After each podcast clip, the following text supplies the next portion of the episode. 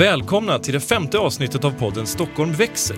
Jag heter Fritte Fritzson och i det här avsnittet kommer vi att prata om Stockholms grönområden och parker och vad de betyder för stockholmarna. Vi har tre gäster i studion idag med lite olika perspektiv. Torleif Falk, stadsarkitekt, Elisabeth Rosenqvist Sajdak, stadsträdgårdsmästare och Kristina Reje Ramberg som är landskapsarkitekt på exploateringskontoret och som har arbetat mycket med Hagsätra Rågsved. Ett område som vi ska prata lite extra om i det här avsnittet. Välkomna alla tre! Tack. Tack, Tack. så mycket. Först så tänkte jag fråga, vad, vad betyder egentligen grönområden och parker för en stads invånare? Ja, jag tror att det betyder oerhört eh, mycket för medborgarna och eh, just i Stockholms fall så tror jag att eh, man utnyttjar det i olika grad eh, men jag tror att det betyder mycket både mentalt och eh, just det här att man fysiskt besöker. Det som är speciellt med Stockholm är ju att man både har ett ganska intensivt urbant liv på en internationell nivå och ändå väldigt enkelt kan nå naturen. Både på nära håll och på lite längre håll där du faktiskt har skogar och verkligen vild natur också. Naturen kommer nära staden? Ja, just den, där, den kombon tror jag gör Stockholm så särskilt attraktiv. Elisabeth? Mm. Nej, jag kan ju bara hålla med Torleif om att det är otroligt viktigt och att det betyder väldigt mycket. Men det är också väldigt viktigt för våra invånares hälsa och som en rekreationsmöjlighet. Och sen ser jag det som en mötesplats. Och framförallt i en stad som växer så är det ju otroligt viktigt att man har sådana platser som man verkligen kan mötas utomhus och det man också kan följa årstidsväxlingarna när man bor i en stad. Ja, jag tänker att grönområden generellt står för något väldigt positivt för invånarna. Eh, det är fritid, umgänge, lugna miljöer. Eh, och jag läste en intervju om en jättekänd programledare som beskrev sig som en riktig cityråtta och älskade asfalt och det livet. Men sen när hon började beskriva vad hon gjorde på sin fritid och så, då var det ju mycket parkerna och naturområdena hon beskrev. Och hon beskrev sitt bröllop i Hagaparken och barnkalas som de brukade ha i parken och så vidare. Så att eh, de används väldigt mycket av våra invånare mm. och är en del av staden. Mm. Eh, I avsnitt ett av den här podden fick vi veta ungefär vad en stadsarkitekt gör, för då hade vi Per Kallstenius som tidigare har varit stadsarkitekt här. Men, men nu har vi en stadsträdgårdsmästare i studion. Och vad, vad gör egentligen en stadsträdgårdsmästare, Elisabeth? Mm. Det kan ju se lite olika ut, men som stadsträdgårdsmästare för Stockholms stad så är jag ansvarig för drift och underhåll för det offentliga rummet. Och i det ingår ju våra parker, alla våra gatuträd. Eh, och sen så ansvarar jag också för ett nära samarbete med våra parkingenjörer på alla stadsdelarna, de 14 som finns i Stockholms stad. Och det arbetet är ju väldigt centralt i mitt uppdrag.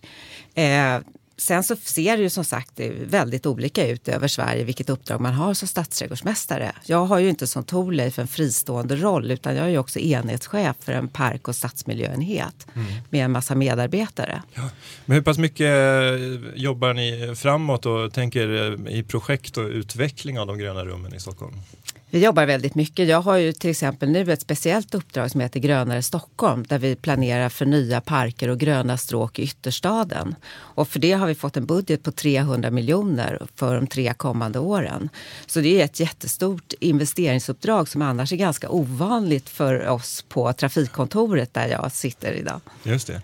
Om man läser i översiktsplanen så står det Stockholms stad arbetar med att analysera brister och behov så att fler stockholmare ska få tillgång till bra parker och naturområden områden. Hur är det egentligen ställt med den saken? Hur, hur bra tillgång till grönområden har den genomsnittliga stockholmaren skulle ni säga?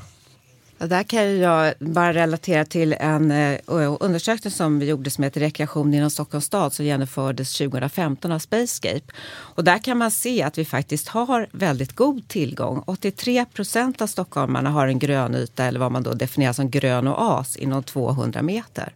Och om man skulle gå på det mer internationella måttet som man brukar mäta som är 300 meter som avstånd, då har 95 procent av stockholmarna det avståndet. Sen finns det självklart variationer inom staden. Jag menar, går man in i stenstaden, Norrmalm ligger ju betydligt lägre på 71 procent däromkring.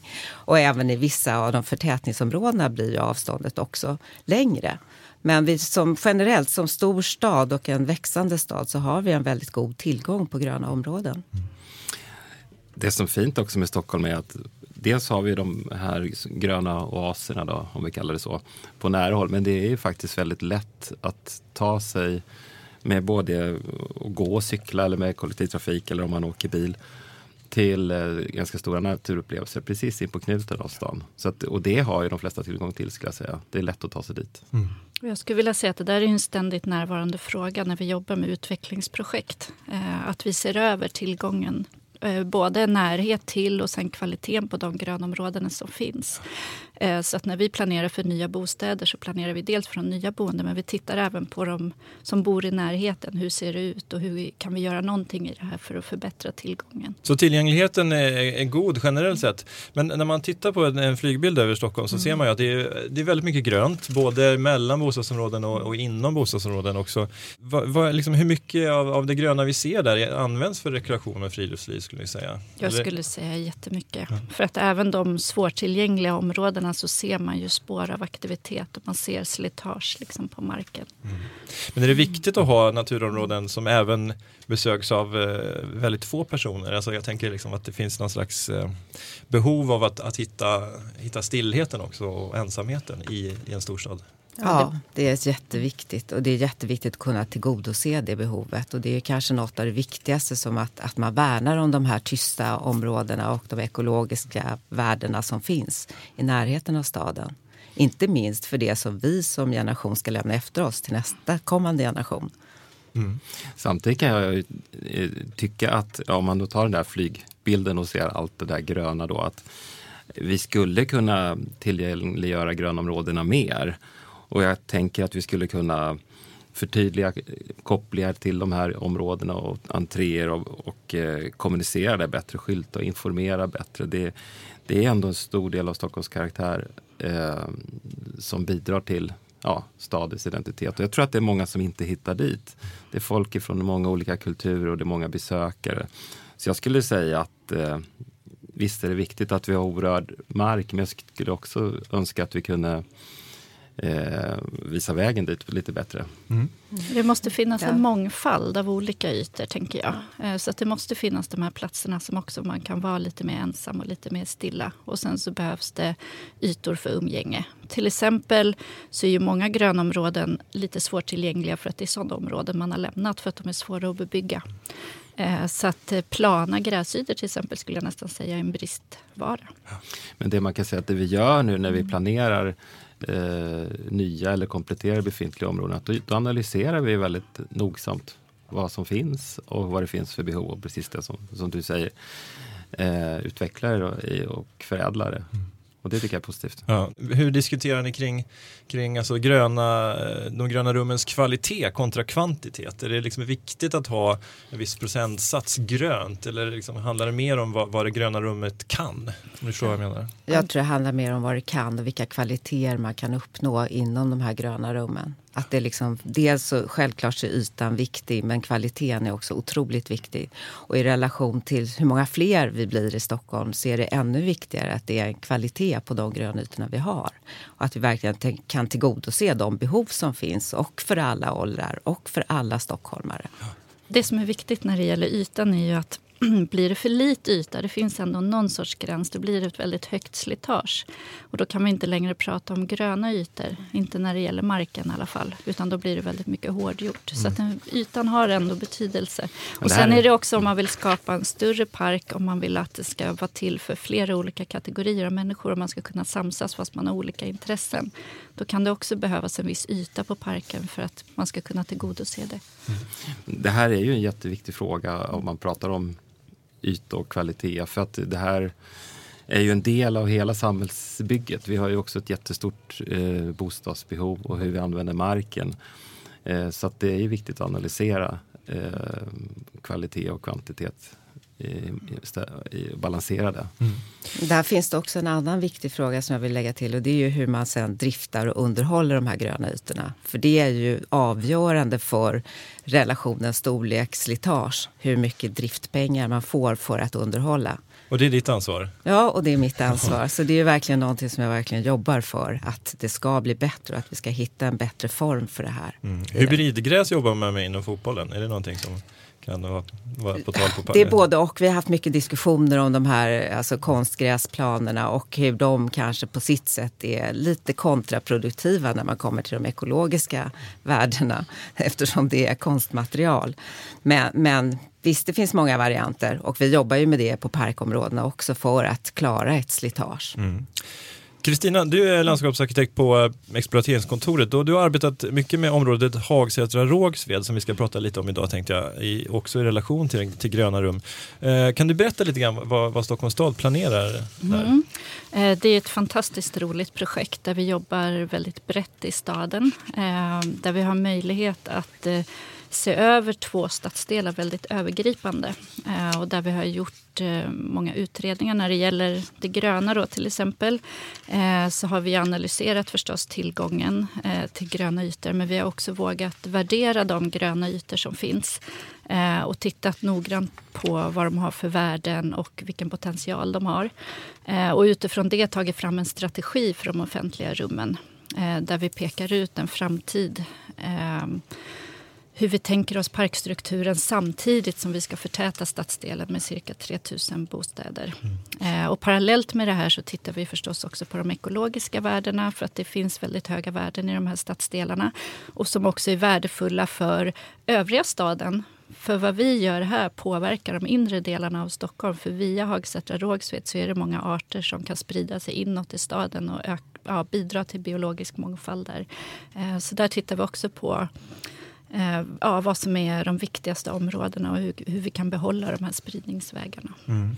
Alltså när man tittar på kartan återigen då, så, så, i ytterstaden i Stockholm så är det ju ganska vanligt att det är tunnelbaneområdena och sen så, så är det lite gröna, gröna stråk emellan och de är inte alltid så här sammanbyggda. Va, mm. Vad finns det för för och nackdelar när man, med, med de här äh, mellanrummen mellan, mellan stadsdelar och områden?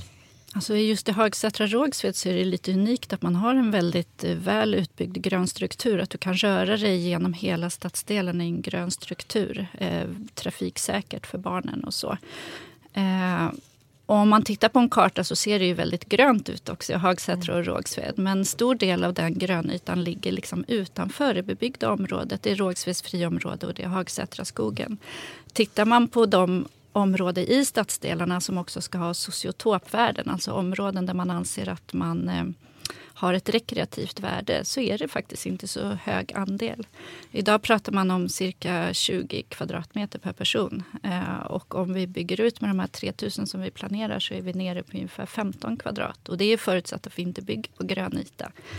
Eh, för att vissa delar av de här grönytorna är också extremt svårtillgängliga eftersom det är så kuperat. Mm. Så därför tycker jag det är så viktigt i en sån här planering att man tittar eh, inte bara på andel grönt och så, utan vad har de för värden och vilka är de mest värdefulla och hur gör vi för att kunna spara dem och så. Mm. Det fina är när man, om man tittar på det här projektet att det här har ju verkligen eh, potential att eh, om man då pratar om den här avvägningen i, i samhällsbyggnadsperspektiv, att här finns det möjlighet att få in så mycket som 3000 eller kanske ännu fler bostäder, men ändå att man bibehåller den här kvaliteten och man till och med ökar eh, kvaliteten, där man ökar trygghet, man ökar sociala hållbarhetsförutsättningar och eh, förstärker sambanden till de här grönområdena. Så det här är, tycker jag, ett jättebra exempel på hur man kan eh, utveckla helheten i, i båda avseendena. Om man mm. tänker om man nu pratar om byggnation och grön Mm. Det är ingen konflikt utan det är win-win. Just det. Ja, för det, jag tänker när, du, när du nämner trygghetsaspekten så tänker jag direkt på, mm.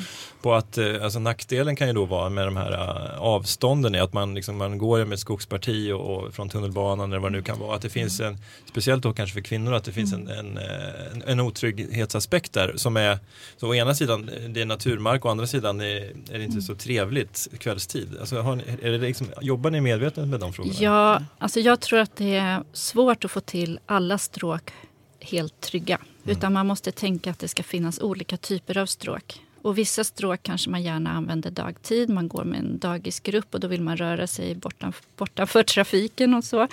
Eh, och det känns tryggt dagtid. Men sen på kvällen då kanske man vill välja ett annat stråk. Eh, där man rör sig mer eh, ja, bland bebyggelse och där det rör sig folk och så. Och det måste finnas olika typer av stråk. Eh, mm. För att det ska kännas tryggt dygnet ja. runt. Men alltså min erfarenhet av att ha bott i liksom olika miljöer i Stockholm är ju att ibland att man får gå väldigt långa omvägar för att hitta det där trygga stråket. Men här är ju, Men, ligger också i strategin att man bygger just kring de här huvudstråken just för att förtäta och skapa en ökad mm. aktivitet och en ökad trygghet. Så det, det ligger ju i, i planeringsstrategierna att att eh, öka trygghetsaspekten.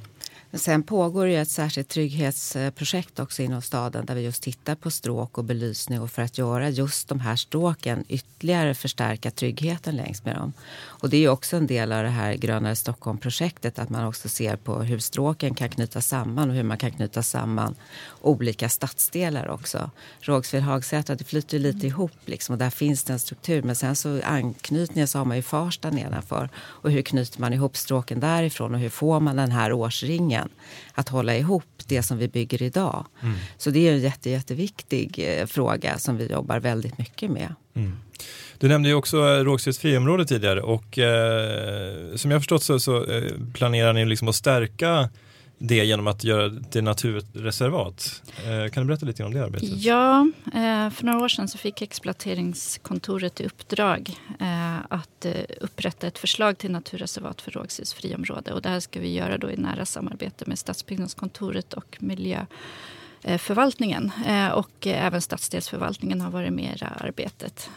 Och då har vi ju tittat både på vad det finns för naturvärden och kulturvärden och rekreativa värden. Eh, och sen har vi vägt det här mot eh, de bostadsbehov som finns och hur vi har möjlighet att skapa andra värden i anslutning till reservatet eh, och tagit fram ett förslag. Och det här har ju varit ute på samråd. Eh, och planen är att det ska upp i kommunfullmäktige i vår för beslut. Men det här med att, att stärka vad ska man säga, vissa naturområden genom att göra det till reservat, är det ett liksom, sätt att freda, alltså lite grann som Central Park, att man, man sa att här får det inte byggas någon gång. Men det är att det också gör att man kan bygga lite mer runt omkring då eller? Ja, men det ligger ju väldigt i linje med det att man vi bygger eh, väldigt mycket mer bostäder här men samtidigt så säkrar vi tillgången till grönytor för framtiden. Mm. Så att det, det, är ju en naturlig strategi. Mm. Jag tänkte att vi skulle lyssna på Kristina som bor i området eh, och som har en, en eh, relativt skeptisk syn på, på utvecklingen. Jag är ute och går med hunden. Varje dag? Varje dag, flera gånger om dagen. Var någonstans? Ja, runt här. Det är väldigt bra promenadvägar för det. Och om det ska påverka, vet inte. Det skulle vara mer hundgårdar här. Det finns ingen hundgård här. Det är vad jag vill ha. Men att det ska bli jag vet inte. Vet inte vad jag tycker om att tycker Stockholm växer för fort. Både city och här, det är ingen som gillar att det byggs här runt omkring överallt alltså. Så att, eh. Varför inte då tror du? ja, de är väl rädda för att det ska bli ännu stökigare. Du tror inte att det kan eh, göra att det känns eh, tryggare, att det är mer verksamheter som är öppna på kvällarna och så vidare? Ja, jag tycker det är bra som det är. Och du utnyttjar mycket de grönområden som finns? Ja, det gör jag. Och jag vill inte att det ska byggas på några fler av dem. Vad är det du är orolig för då, om det byggs? Att det blir för mycket folk. Ja. Ja, vad säger ni? Får Kristina bita det sura äpplet och acceptera mer folk och mindre grönt? Det är ju så att folk flyttar ju hit. Det är ju 15 000 nya invånare varje år. Eh, och det är ju något positivt med det. det. det. betyder att Stockholm är attraktivt och många vill flytta hit. Och eh, vi har ett ansvar att ta hand om eh, så att det finns förutsättningar för folk att ha en bra livskvalitet här. Så att eh, det, det, får hon det får hon nog acceptera och det är vårt uppdrag att eh, ta hand om det på bästa sätt. Och jag tror att det kan eh, det tillför någonting. Det, det, finns plats och det finns möjligheter. Jag, när vi tittar på de här områdena, det är förbluffande hur mycket möjligheter det finns att skapa så mycket bra bostadsmiljöer och dessutom stärka eh, livsmiljöerna runt omkring. Mm. Så att ja, det finns en stor potential skulle jag påstå. Sen är det klart, får man ett hus närmast sin eget boende, det är klart att det är störande för, för, på individnivå. Det mm. förstår jag också. Fast jag ser stora förhoppningar för det här området faktiskt. För även om vi kommer tillföra mycket bostäder så jobbar ju vi som jag sa med ett helhetsgrepp för hela stadsdelarna. Eh, och eh, vi ser ju möjlighet att skapa jättefina offentliga miljöer eh, och eh, öka tryggheten och skapa bättre underlag för centrumen så att verksamheterna kan överleva och så. Så jag tror och hoppas att man kommer se Mm. allt positivt som det här kommer innebära. Men handlar det snarare om en kommunikationsuppgift då? Att, att eh, kommunicera till invånarna att, eh, att det inte nödvändigtvis blir sämre bara för att det byggs lite fler bostäder? Eller? Ja. Ja, det är ju en viktig del av vårt uppdrag. Och sen också det här att vi, alla uppdrag vi gör sker ju i dialog med de boende. Så att vi försöker hela tiden ta in de önskemål som finns hos de som bor i det befintliga området. Så att jag tror ju precis som Kristina att det här kommer vara väldigt, väldigt bra när det blir klart. Jag tror, jag tror det ligger något i det faktiskt. Vi, vi är ganska duktiga nu på att föra dialog och vi tar in medborgarnas synpunkter. Men just att, att kommunicera Eh, hur det blir och varför. Det, det, skulle vi nog kunna bli bättre på. Mm. Men nu när ni planerar en utbyggnad på 3000 bostäder kanske i Hagsätra och Rågsved. Du, du, nämnde tidigare att ni, ni gör en, eh, en, liksom en, någon slags inventering och tittar på befintliga grönområden och, och ser vad de har för kvaliteter och sådär. Men är det också så att ni jobbar rent, eh, vad ska man säga, att ni undersöker alltså, antal kvadratmeter mm. per, per Jo men det tittar vi ju så att eh, så att vi tycker att det blir en bra struktur, att man har tillräckligt nära till grönområden och sen också att de får en bra kvalitet. Och det här arbetet som vi har gjort nu har ju gett Ringar på vattnet, som det här med Grönare Stockholm som Elisabeth berättade om. Mm. De har ju bland annat fått pengar till att eh, eh, rusta upp nu Hagdalen mm. som är en park som vi i våra analyser identifierade som en blivande stadsdelspark för Hagsätra. Att mm. den hade det ligger väldigt bra och den har väldigt höga kvaliteter men kan utvecklas ännu mer. Och nu är ju det mm. arbetet igång. Ja, det är full gång. Ja, och nu ska vi börja jobba med fokusområde 1 som är Hagsätra centrum och Ormkärr. Mm. Och där kommer vi jobba med att utveckla en centralpark i Ormkärr. Eh, så det är ju inte bara bostäder som kommer till utan vi jobbar ju verkligen med helheten eh, och för att skapa bra mötesplatser. Vilket kommer gynna både de nyinflyttade och de som redan bor där. Mm. Det känns som att, eh, att vi i Sverige har en kanske en annan bild av vad en park är jämfört med kanske man har nere på kontinenten. I Frankrike kanske en park parker. Det, liksom, det kan vara liksom ett grusunderlag och så spelar man lite boll och sen är det liksom en liten paviljong där man kan ta ett glas pastis kanske. Mm. Att det, är, att det, det är mer baserat på, på, eh, på möten och, och program och att vi i Sverige är mer fokuserade på alltså upplevelsen av det gröna. Är, är det någonting ni, ni diskuterar, alltså vad en park ska vara och vad en park kan vara? Ja, det diskuterar vi och sen har vi ju olika karaktärer på våra olika parker. Vi har bergsparker, vi har finparker, vi har stadsdelsparker, vi har kommuncentrala parker. Så att vi har ju på något sätt gjort en kategorisering av våra parker så som vi jobbar med dem i Stockholm och just för att kunna då tillgodose olika saker i våra parker. Så vi har ju ingen homogen struktur. Och vi har ju också en stad som har vuxit genom åren och det har ju givit olika karaktärer på våra parker beroende på vilken tid de är anlagda. Och idag så är vi väl inne i en tid då folk förväntar sig mycket mer aktiviteter i en park. Att man kan göra mycket mer än vad man kanske tänkte sig på 1800-talet då man mest ville spatsera eller sitta ner och ta en liten kaffe i, på ett lite trevligt café. Så att där skiljer ju tidsåldrarna sig. Mm. Sen är det oerhört viktigt att också bevara de här historiska parkerna i Stockholms innerstad. Att de också är fredade, att de finns kvar som ett kulturarv för oss alla. Att... Så jag tror att eh, eh i Stockholm är ju inte särskilt, vi har inte så jättelång eh, urban historik om man jämför med andra delar av Europa till exempel. Och vi har en, en ganska eh, natur, naturromantiska ideal. Men Stockholm är ju ändå en, en, stad som ligger i ett skärgårdslandskap. Vi älskar att ge oss ut i skärgården eller upp in i skogarna och så vidare.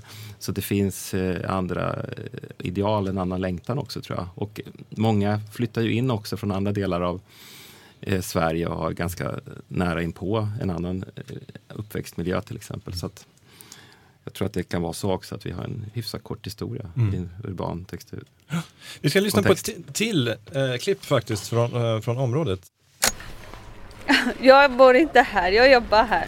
Men det... Vad jobbar du med här? Ja, jag jobbar i hemtjänst. Mm. Och dina jobbarkompisar här, är ni ute och äter på lunchen eller fikar så här i Hagsätra? Ja, vi har bestämt att varje månad eller varje varannan vecka vi måste vara ute umgås lite också. Ja, det är man behöver. Mm. Eh, när det gäller naturen här omkring och grönområden och sånt eh, här eller där du eh, bor, använder du det? Jag måste säga, alltså typ när jag jobbar i hemtjänst så det är tvungen att man är ute hela tiden. Ute med de äldre? Ja. Så. Brukar de uppskatta att komma ut i naturen? Ja, det är de tycker mest. Så de hoppas det fortsätter så här i vädret så de får mer vara ute. Det är skönare att vara ute när det inte är minusgrader. De tycker om det, de vill inte vara hemma. Så det. Ja, det var Medine vi hörde där som tar ut eh, de äldre hon eh, jobbar med då på korta promenader i, i eh, utomhus i park och natur. Eh, vilket såklart känns viktigt. Men hur tänker ni kring målgrupper? Vi har ju varit inne på det lite grann innan. Går det att bygga parker som både små barn och pensionärer tycker om? Absolut. Självklart. Hur, tänker man, hur ska man tänka då? då? Jo, men det är ju det som jag var inne på tidigare också, att en park kan ju också vara indelad i olika områden. Men samtidigt så tycker jag ju också att en strävan från oss är ju att försöka hitta en park där man faktiskt kan umgås tillsammans, alla åldrar. För jag tycker någon, någonting som vi kanske har tappat i den moderna staden, det är ju den här kontakten mellan de olika generationerna. Och som jag tror är väldigt, väldigt viktigt att vi jobbar vidare på att återskapa även i staden. Att äldre personer kan se de här små telningarna som går i förskolan och liksom tycka att det är jättehärligt att man gör saker tillsammans. Och det finns ju faktiskt också förskolor där man har äldre personer som är anställda som assistenter just för att man ska få de här kopplingarna mellan generationerna. Mm. Jag ser det som en av de verkligt stora utmaningarna och viktiga inslagen i våra framtida parker. Och även de befintliga. Men är det någonting ni tänker på när ni Ja. diskuterar de här olika parktyperna du nämnde tidigare? Det gör eh, vi ja. absolut. Att vi ska se till att det är en stad för alla och parker för alla. Att alla ska kunna vara där. Det är absolut grundläggande för hur jag ser på våra parker i stan. Men det, det är en svårighet som jag kan se är det här med ti- tillgänglighet, alltså med, med tanke på att Stockholm är en kuperad stad och sådär. Hur, hur, eh, hur kan man tänka där? Ja, det är ju inte lätt och det är en utmaning vi har. Absolut, i Rågsved och Hagsätra. Eh, Men eh, vi försöker ju tänka så gott det går och hitta ställen där vi kan göra slingor och så som ändå blir med så lite lutning som möjligt. Och ibland måste man ju tyvärr på vissa ställen är det bara trappor som gäller. Eh, och då kanske det blir en lite längre väg eh, att gå om man ska gå den tillgängliga vägen. Men jag tycker det här inslaget visade också på hur viktigt det är att ha närhet då till natur och park. Eh, om man då till exempel jobbar i hemtjänsten och ska gå ut med de man jobbar med. Då är det ju viktigt att det inte är för långt att ta sig för då kanske man inte hinner och har möjlighet att göra det. Och även är det ju viktigt eh, vad man har för utsikt och så från där man bor. För att få en känsla av att man har nära Mm. till det gröna som de uppskattar. Ja. Men vad säger egentligen forskningen om det här med att liksom kunna, kunna, det visuella upplevelsen av grön och liksom att vistas i, i gröna rum? Är det, mår vi bättre? Ja, Absolut. det gör vi. Det finns väldigt mycket forskning om det eh, som bedrivs på Alnarp, Sveriges lantbruksuniversitet. Och där man verkligen har kunnat påvisa kopplingen till tillfrisknad och förkortad halvering av tillfrisknadetiden. I synnerhet då i de här eh, arbetsrelaterade sjukdomar så har man ju hittat en väldigt bra återläkning och som man forskar väldigt intensivt på hela tiden och hittar nya former för och utveckling. Så visst är det viktigt för oss alla. Det är ju inte för intet det fanns gamla sjukhusparker förr i tiden. Och där har vi ett jättetydligt exempel. Det var en artikel i tidningen förra veckan om en av de överlevande från terrorattentatet på Drottninggatan. Och hon var uppväxt i Hagsätra. Eh, och hon beskrev att hon som barn hade haft en ganska tuff uppväxt. Eh, och att när hon behövde liksom ha lite tid för sig själv då gick hon ut i en skogsdunge i närheten där hon bodde. För där kände hon att hon fick vara sig själv och blev lugn. Och i somras när hon hade mått så dåligt efter det terrorattentatet då hade hon åkt ut till Hagsätra, till sin skog och liksom känt att det läkte henne, den miljön. Och det tyckte jag var ett sånt otroligt tydligt exempel på vad det kan betyda. Parker är medicin Ja, också. Ja, Kan man helt säga. klart. Vi pratade tidigare om det här med sammanhängande grönstrukturer. Varför är det viktigt skulle ni säga? Det har ju Ja. lite med tillgängligheten att göra, att man ska hitta ut eh, och att man ska förstå hur man kommer till de olika grönområdena. Eh, och sen också för att kunna skapa de här promenaderna som man ändå uppskattar. Att Man ska kunna gå från sitt hem och röra sig. Målpunkten kanske är en bit bort men promenaden dit ska också vara trevlig. Mm. Ja, sen så tror jag också det finns ett stort incitament att, att kunna ta sig mellan de här stadsdelsgränserna som historiskt har varit rätt tydliga men som vi nu försöker hitta att man kan knyta ihop. Att nästa stadsdel har något fantastiskt att erbjuda som målpunkt. Mm. Och väldigt mycket handlar det om kommunikation också, att kommunicera ut att det finns de här fantastiska områdena. Ett av uppdragen i Grönare Stockholm är också att annonsera våra naturreservat, att hitta en form för annonsering vid entréerna. Vi kommer inte jobba med naturreservaten i sig i det projektet. Men vi jobbar just med annonseringen av hur tar jag, vad kan jag finna i det här området mm. om jag väl har tagit mig dit. Just det.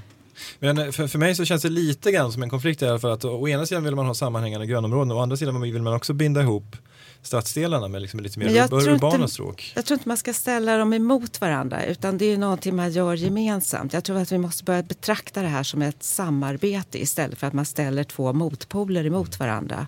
För jobbar man tillsammans så hittar man ju de goda lösningarna på den framtida utbyggnaden av Stockholms stad.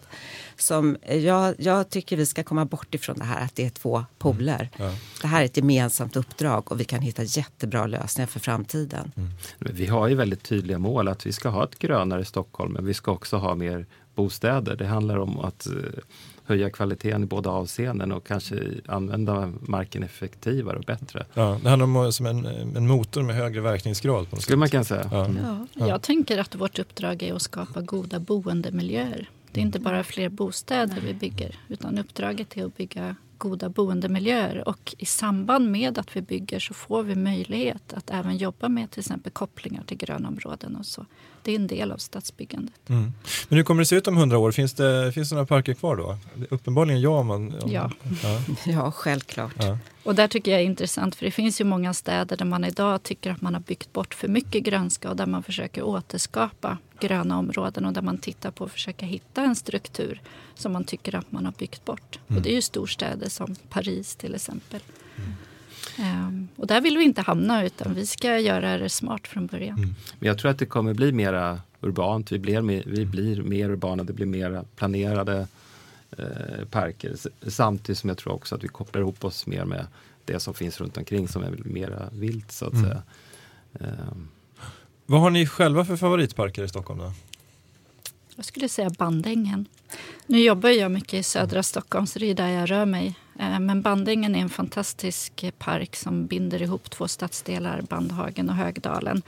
Eh, samtidigt som den är så attraktiv att den lockar folk från andra stadsdelar också. Elisabeth? Mm, jag har ju väldigt många favoriter men jag eh, håller kvar fast vid min historiska pärla Berzelii park som har en, en fantastisk plats i hjärtat av Stockholm och eh, kan erbjuda årstidsväxlingar, ett fantastiskt växtmaterial där man har lyckats bevara det historiska kulturarvet också. Och sen så vill jag också blicka framåt för vi har något väldigt spännande på gång och det är Vårbergstoppen som kommer bli den nya stadsdelsparken söder om stan nere vid Skärholmen. Så den bästa parken är inte byggd än? Kanske? Nej, kanske inte. I alla fall inte framtidens bästa park. Nej. Och det är ju det vi, det är så spännande att få vara här i den här tiden när det händer. Mm. Torleif? Ja, I ytterstaden så är Sätra skogen min eh, favorit. Det är ju en, om man nu ska kalla det park, men grönområden. Den, den kopplar ihop flera eh, stadsdelar med olika social kontext på ett väldigt bra sätt. Den är lättillgänglig. Man tar sig lätt dit från, med tunnelbana eller cyklar eller går eller hur, hur man tänker. Och en fantastisk eh, miljö skulle jag säga. I, I stadsmiljön så tycker jag Norr är fantastisk och det är också ett exempel på hur man på en väldigt, väldigt liten yta kan uppnå väldigt, väldigt mycket. Mm eh, både socialt och upplevelsemässigt. Mm, nu har jag utflyktsmål för de kommande helgerna kan jag säga. Mm. Elisabeth Rosenqvist Sajdak, Torleif Falk och Kristina Reijer Ramberg. Tack för att ni kom hit och ni har lyssnat på Stockholm växer, en podd om Stockholms framtida utveckling. Jag heter Fritte Fritzson och reportrar på plats var Åsa Jackson och Martin Ottosson. Tidigare avsnitt av Stockholm växer kan du lyssna på i Acast eller någon annan poddspelare. På återhörande.